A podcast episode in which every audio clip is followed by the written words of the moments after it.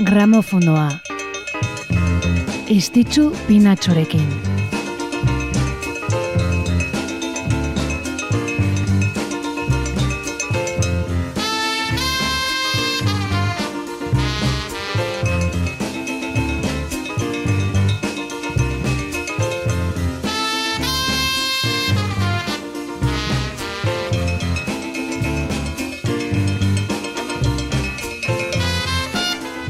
Gaueko amarrak dire, bertze asteazken bat gehiago. Bino, ez edo norako ordea, hilabete berria estreinatzen ari garelako gaur urteko bigarren hilabetea. Guzietan motxena, otxoen hilabetea, inauteriena, lurrari ernatzeko deia egiteko garaia. Gaur, ireki dugu beraz, otxaila, eta zure eguna bada gaur ba, zorionak eta unitzurtez. Gramofonoan gaude, musika saioa da hau eta astero aritzen garen moduan gaur ere egutegiari begiratu diogo eta otxailaren lehenengo honen aitzakiakin kantu bikainak ekarriko ditugu gogora. Gabon!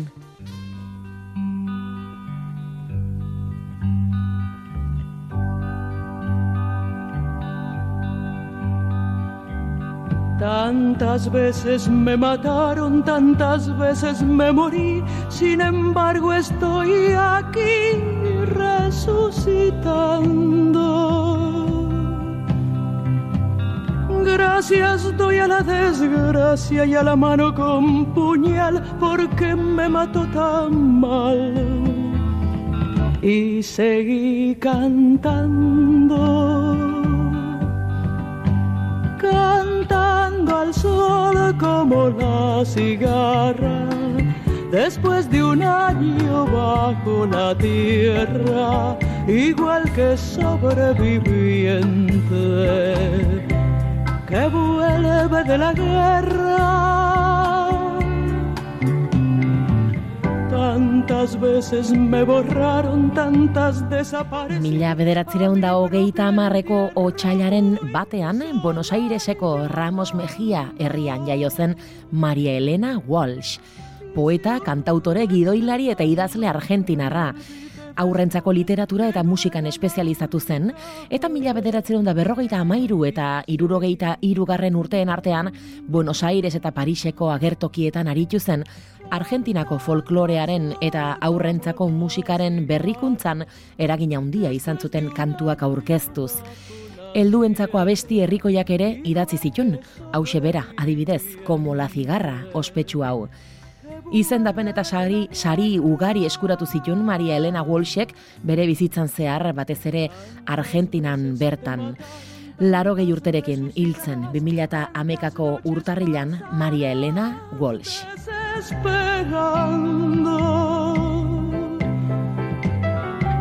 la hora del naufragio y la de la oscuridad, alguien te rescatará para ir cantando. Cantando al sol como la cigarra, después de un año bajo la tierra igual que sobreviviente que vuelve de la guerra.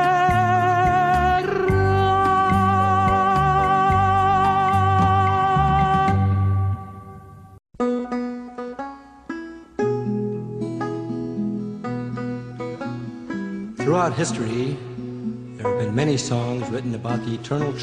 Maria Elena Walshekin ireki dugu otxaileko lendabiziko saioa, larogeita mairu urte bete direlako gaur bere jaiotza egunetik. Eta orain naditzen dugun hau, The Kingston Trio, folk, country, pop eh, generoan mugitu zen taldea, berrogeita mar eta irurogei garren amarkadetan eh, folk musika berrabiarazten lagundu zutenak, The Kingston Trio.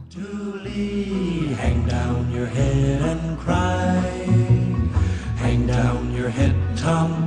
Dooley Poor boy, you're bound to die. I met her on the mountain. There I took her life. Met her on the mountain.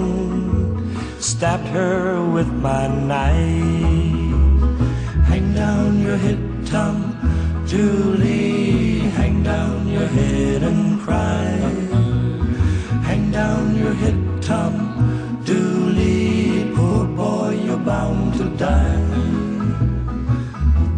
time tomorrow, reckon where I'll be. Hadn't it been for Grayson, I'd have been in Tennessee. Oh, well, now, boy, hang down your head, your head Dooley. hang down your head and cry.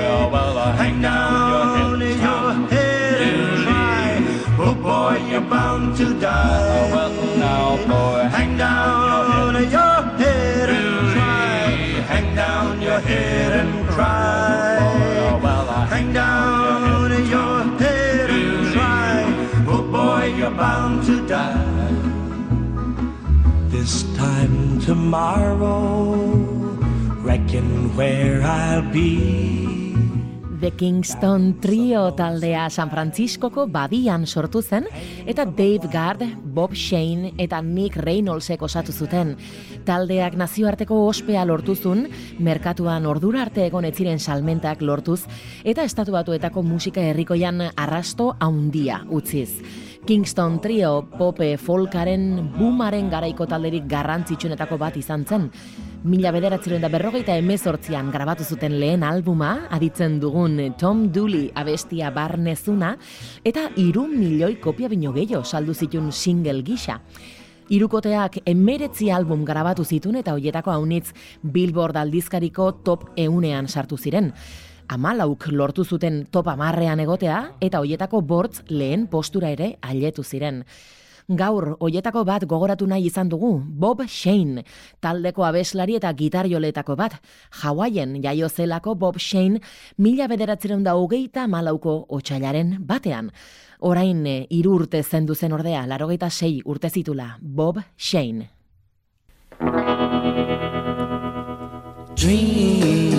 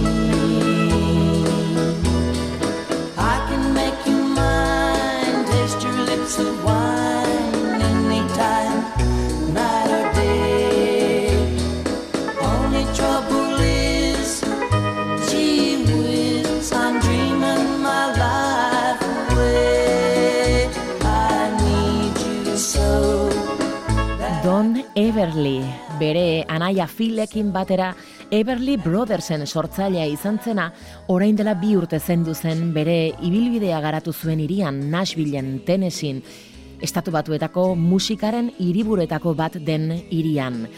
Everly anaiak bikote izan bino lehen, berrogei garren amarkadan Nashvilleen finkatu zen familia taldea izan zen. Atxa, ama, bi semeak eta iloba bat aritzen ziren. Eta ondotik Don eta Phil heldu izatera ailetu zirenean bikote bihurtu zuten taldea. The Everly Brothers izena hartuz. Itxura melodiatsuagoa edo soinu melodiatsuagoa eta gazteagoa eman zioten country musikari, poperoagoa akaso, azkundearen eh, urteak igarotzen zituen tenesi batean.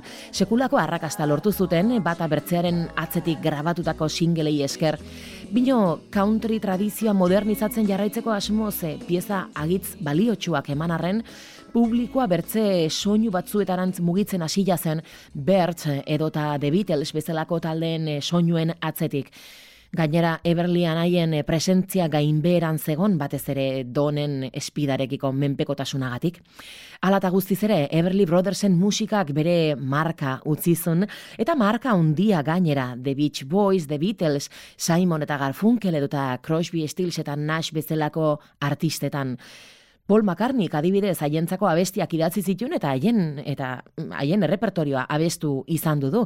Eta Keith Richardsek eh, donen eh, talentuarekiko lilura aitortu izan du du edo izantzun bere biografian. Ba, hau guztia kontatu ondotik, Don Everly gogoratu nahi izan dugu, gaurko egunekoa zelako. Mila bederatzen da hogeita mazazpiko otxailaren batekoa Don Everly. Je me lève et je te bouscule. Tu ne te réveilles pas comme d'habitude. Sur toi, je remonte le drap. J'ai peur que tu aies froid comme d'habitude. Ma main caresse tes cheveux presque malgré moi comme d'habitude.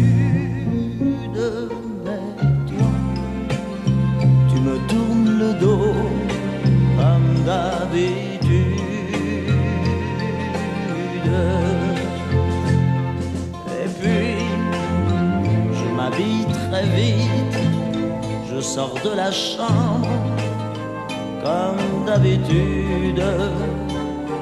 Tout seul, je bois mon café, je suis en retard comme d'habitude.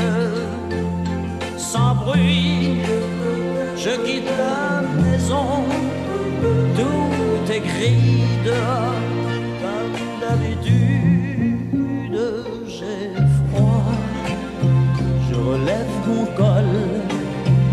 D'habitude. Comme d'habitude, toute la journée,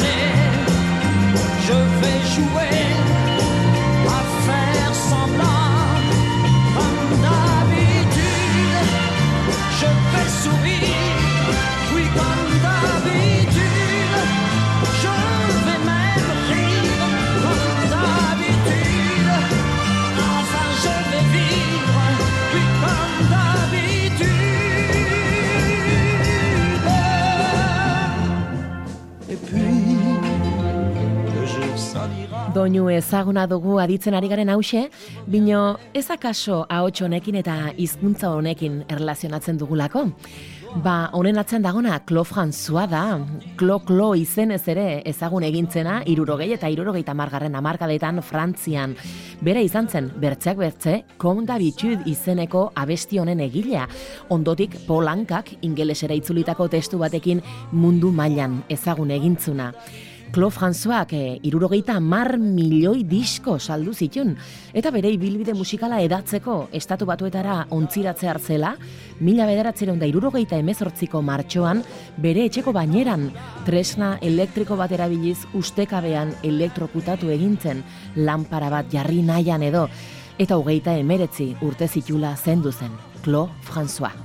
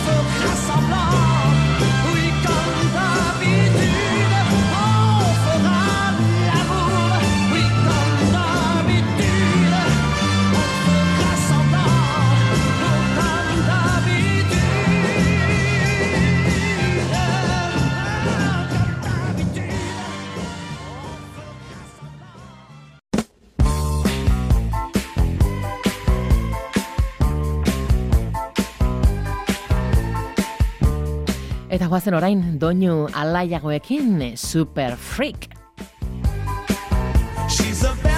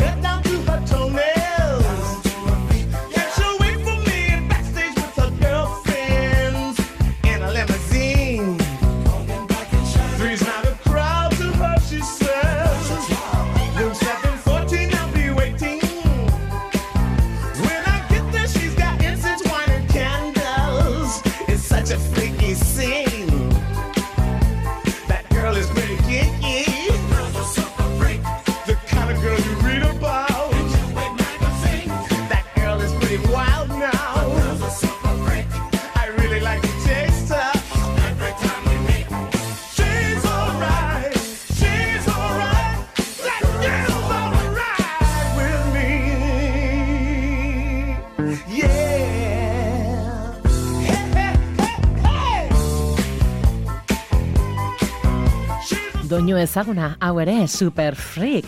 Mila bederatzeron da laro batean Rick Jamesek idatzizuna, eta ondotik plagiatua izan zena, portzierto, kantuaren zati instrumental jaitxun guzia hartu eta MC Hammerek You Can Touch This kantatu zuenean. Super freak hau izan zen Rick Jamesen abestirik arrakastatxoena, musikari bikaina izan zen eta hainbat eh, ekoiztetxerentzat ere aritu zela lanean, aritu zen abestia konposatzen. Ba, Rick James ere gaur bezalako egun batian jaio zen mila bederatziron da berrogeita zortzian. Bino gazte zen duzen hoietako bate izan zen baitare berrogeita amasei urte zitula. Pairatzen zitun gaixotasun eta bertzelako adikzioen arteko kombinazioaren ondorioz. Gorpuari autopsia egiterakoan sei droga mota ezberdin topado mentzizkioten odolean. Erran bezala, gaurko egunekoa zen New Yorken jaiotako disco, funk eta soul musikari hau, Rick James. Musikari bezala aparta, bino droga, sexua eta mota guzietako gehiegikeriek gainberara eramandakoa. Gramofonoa, istitzu pinatxorekin. Gramofonoan segitzen dugu kantu zoragarriak aditzen ari gara garai ezberdinetakoak, hainbat jaiotza data eta eriotza gogoratzeko. Eta jarraian adituko dugun taldea ere bikaina. Honen izena da, If you tolerate this, your children will be next. Izen beru luzea, hau onartzen baduzue zuen seme alabak izango dira urrenak. Maniac Street Preachers.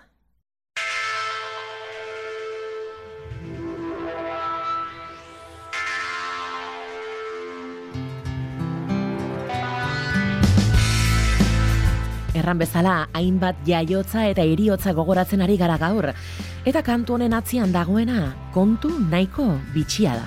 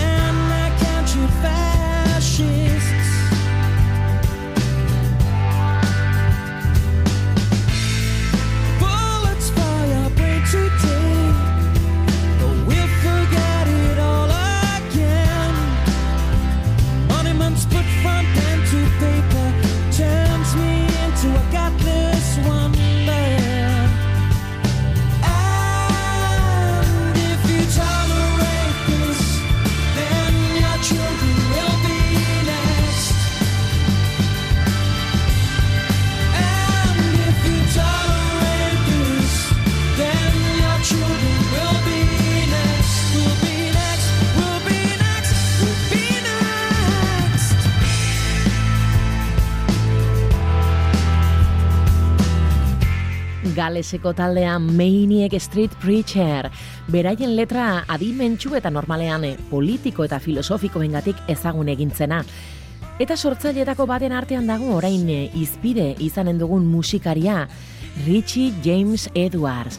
Taldeko gitar jole eta letragilea izan zen bera, mila bederatzeron da larogeita amabortzeko otxailaren batean desagertutzat eman zutena. Bai, alaxe da, larogeita amabortzeko urtarrilaren hogeita mekan eh, Richie eta James Dean Bradfield eh, bere taldekidea Londreseko hotel batean zeuden, urrengo egunean estatu batuetara joan behar zutelako, eta egun hartan erabaki omen zuten eh, arratxean inguruko ostatuetara ateratzea, Mino beranduago Richie Jamesi erran omen zion nahiago zula logelan gelditu atxeden hartzen. Hori izan zen ordea, Jamesek eh, haren berri izan zuen azken aldia, urrengo goizean otxailaren batean Richie espaitzen itzordura agertu. Logelako atea jo eta azkenean ireki zutenean etzegon Richiren arrastorikan. Mino handik gutxira jakin zuten eh, aintzineko arratsean Richik amari deitu ziola estatu batuetara joateko gogoa hundirik etzula errateko. Eta desagertu aurreko bi asteetan eh, Richik berreun libra ateri zitula egunero bere kontu korrontetik azkenean 2000 eta zortzireun elkartu zitun arte. Hoteleko kamerek frogatu zutenaren arabera goizeko zazpitan ateri zen Richie hoteletik, mino ez dago argi nora joateko. Eta hurrengo urteetan hainbat lekutan bistaratua izan omentzen bere jaioterrian, Indian, Fuerteventuran, Lanzaroteko azoka batean, alare arrastoie guziak baztertuak izan ziren bakar bat ere etzelako frogatu ahal izan. Eta azkenean urteetan ikertu ondotik, 2008an, amairu urteren ondotik, erresuma batuko justiziak e, hiltzat emantzun modu misteriotsu hontan desagertu zen Richie James Edwards.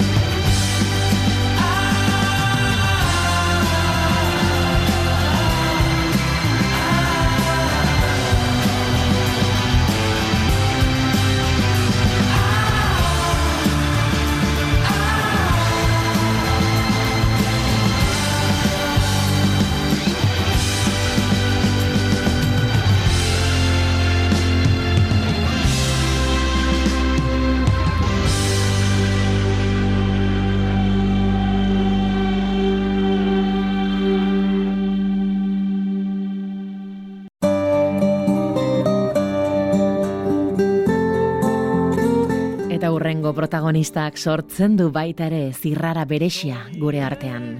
Mintzo zen, mintzo zen errekari Oianeko zuaitzerita Zeruko izarreri Mintzo zen aizeari Xoro baten zatzaukaten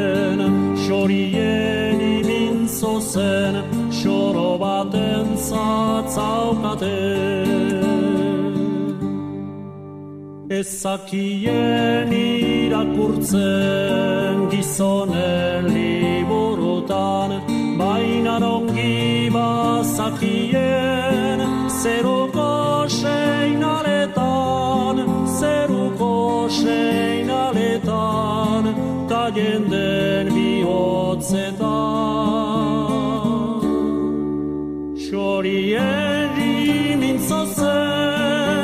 zen, errekari Oianeko zuaitzerita Zeruko bizarreri Mintzo zen aizeari Xoro baten zatzaukaten Xorieri mintzo zen Xoro baten zatzaukaten Aurrek zuten harrikatzen, zargaztek trufatzen, etxekoen bere kongi, laneko baliatzen, laneko baliatzen, eta goxez pagatzen. Xorieri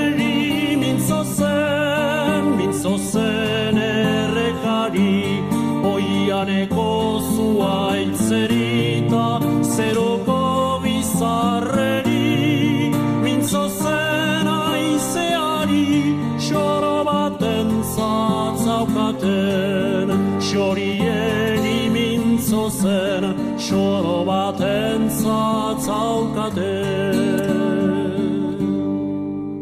Hilda xoroa bakarrik, bakarrik da gehortzi, ez zenan kristau bat ere, salbo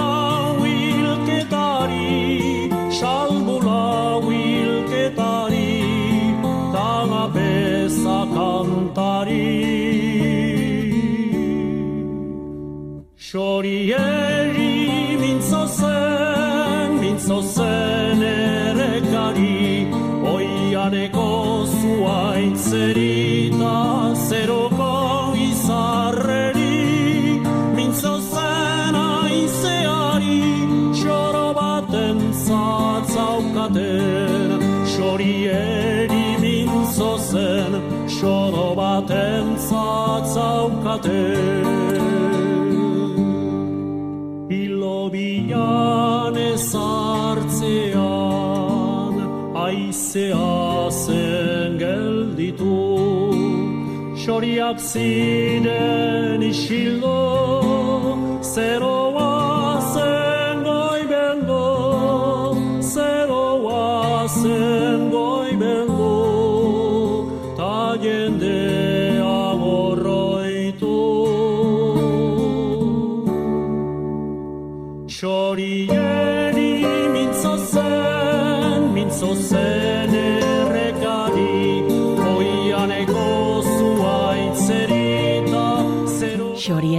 mintzo zen, Erramun Martikorenaren ahotsari egotzitako euskal kantu herrikoia ari gara aditzen. Zirrara eta estimu beresia sortzen duen kantari baigorritarrari.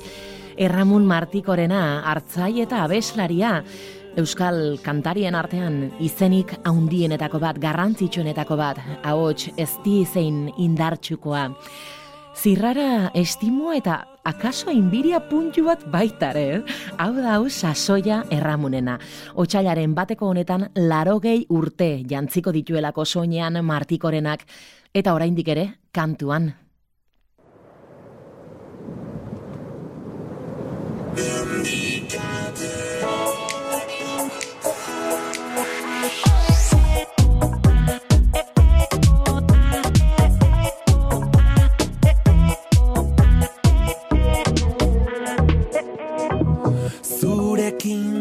Mintzo direla diote xorie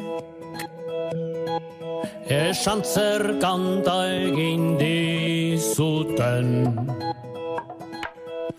Oraindik ere kantuan bai, zetak taldearekin batera ikusi izan genulako iazko herri urratxerako taldeak idatzitako kantuan, inoiz baino gazteago, erramun. Doinu eta erritmo berriekin ausartuz, eta ziurrenik 2008ko euskal kanturik adituena izan den eh, kantuari ahotsa jarriz. Gaurkoz, hause izan da dena, Erramun Martikoren azorionduz bukatuko dugu gramofonoa, besarkada bat, baigorrira.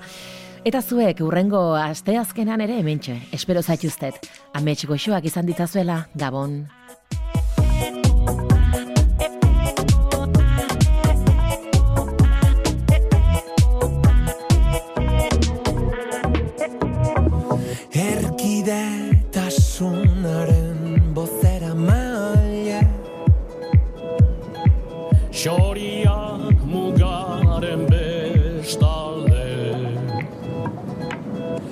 Jantzia dute doinu dotorez gaztelu